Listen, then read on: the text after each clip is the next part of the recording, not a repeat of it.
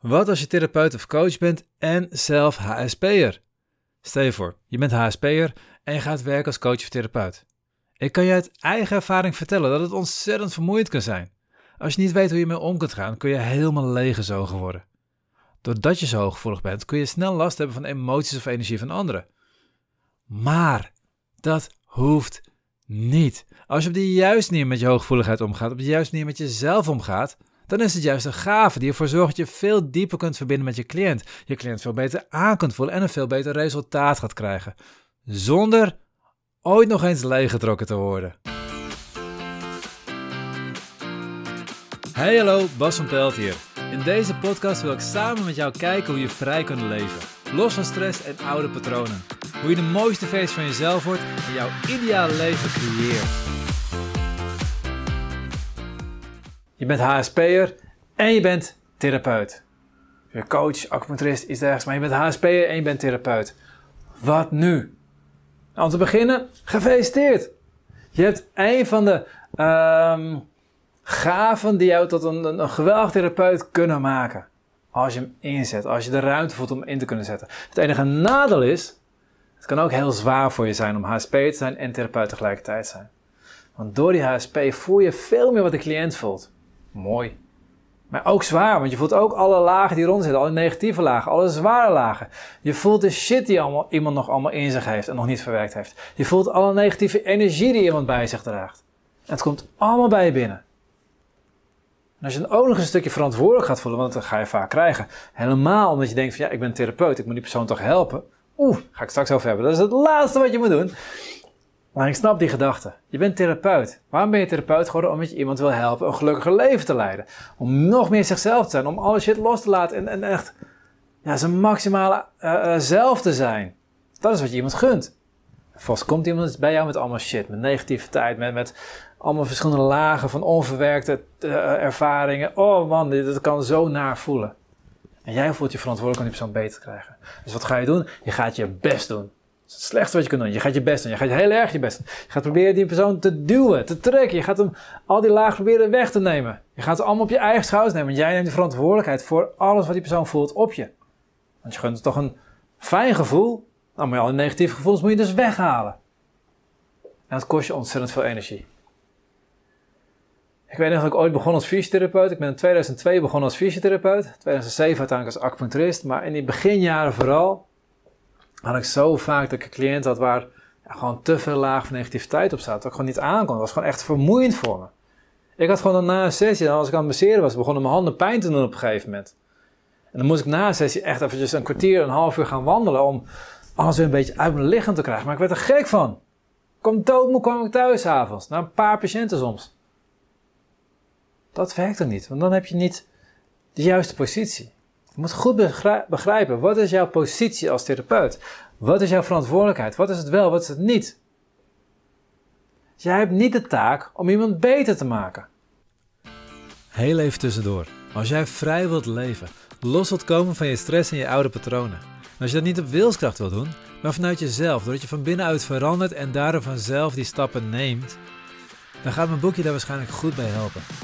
En om het makkelijker te maken, is nu vrij leven, los van stress en oude patronen, tijdelijk in de aanbieding op mijn website voor 17,95 in plaats van 23,95.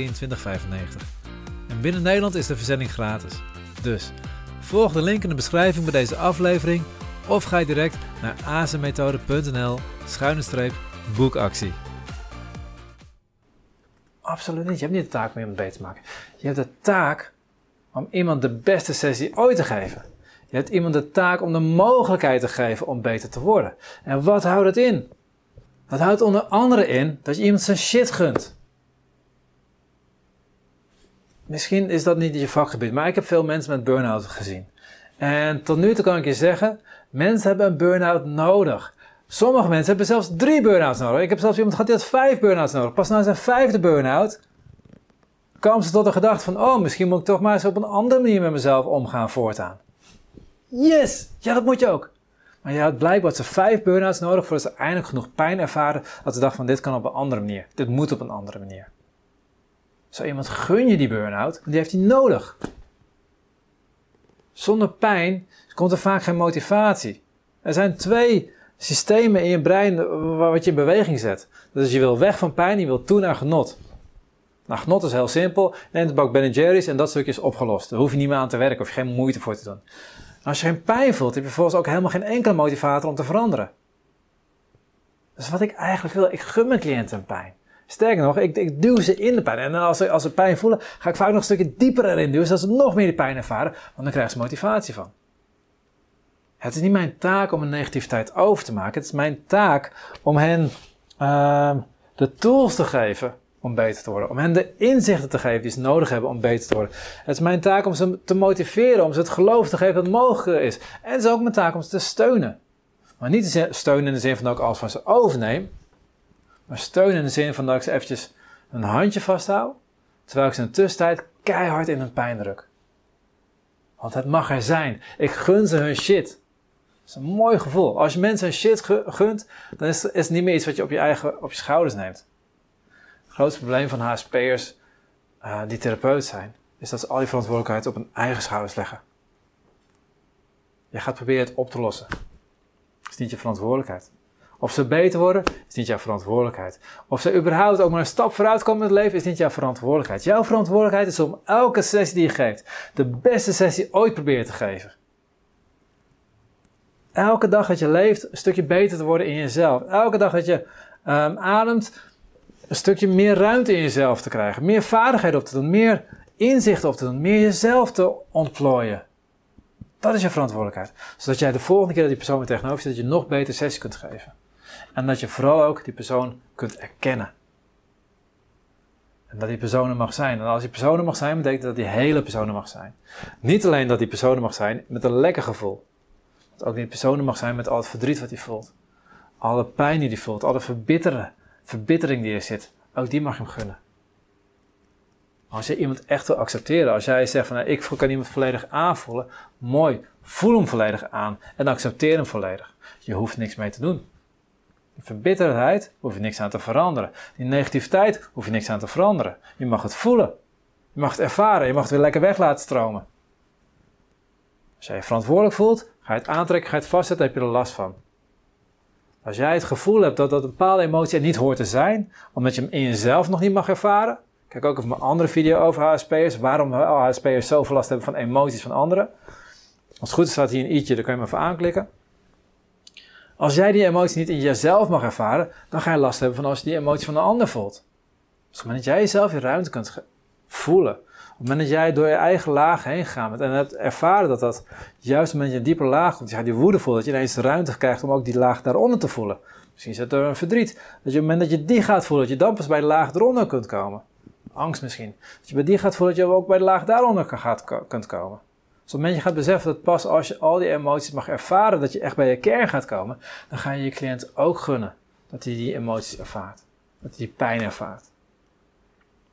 Pijn is geweldig. Pijn is het mooiste wat er is.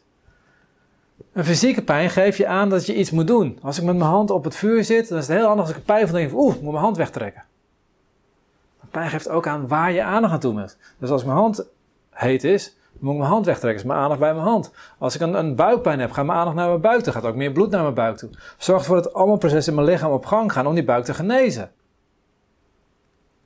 Als ik een emotionele pijn voel, is dat geweldig, want die pijn geeft me aan waar mijn aandacht naartoe moet. ik hoef alleen maar die pijn te voelen. Ik hoef alleen maar die pijn te volgen. Ik mag volledig in die pijn te gaan zitten en kom bij de kern waar ik kan veranderen. Dus je mag je cliënt in zijn pijn zetten. Als je hem in zijn kracht zet, zet je hem in zijn pijn. Pas als hij het kan toelaten, kan hij het loslaten. Het geldt ook voor jou. Als jij het kan toelaten, al dat van je cliënt mag toelaten, dan pas kun je het loslaten. Zolang je last hebt van die energie, laat je het nog niet toe. Het je toelaat, laat je het los.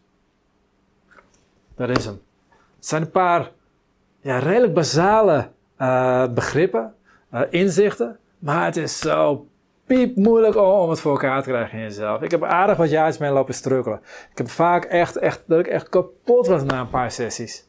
Soms na één sessie met een bepaalde cliënt, dat ik echt dood op was. Ik heb er geen last meer van. Ik gun het ze. Ik gun ze hun pijn. Ik gun ze hun shit, want ik weet dat, dat, dat je soms gewoon weerstand nodig hebt om te kunnen groeien. Ik weet je, zonder weerstand niet groeit. Ik weet dat je zonder pijn niet weet waar het zit. Dit was de podcast van deze week. Ik ben heel benieuwd wat je van deze podcast vond. Geef je app even een duimpje omhoog of een review. In Spotify kun je dit doen door naar de podcast zelf te gaan en daar op het aantal sterren te klikken onder de beschrijving van de podcast. Kun je jouw app geen review geven? Geef ons dan even een review op Google door te klikken op de link in de beschrijving van deze aflevering. Je helpt ons op deze manier enorm om meer mensen te bereiken, zodat ook zij vrij kunnen leven.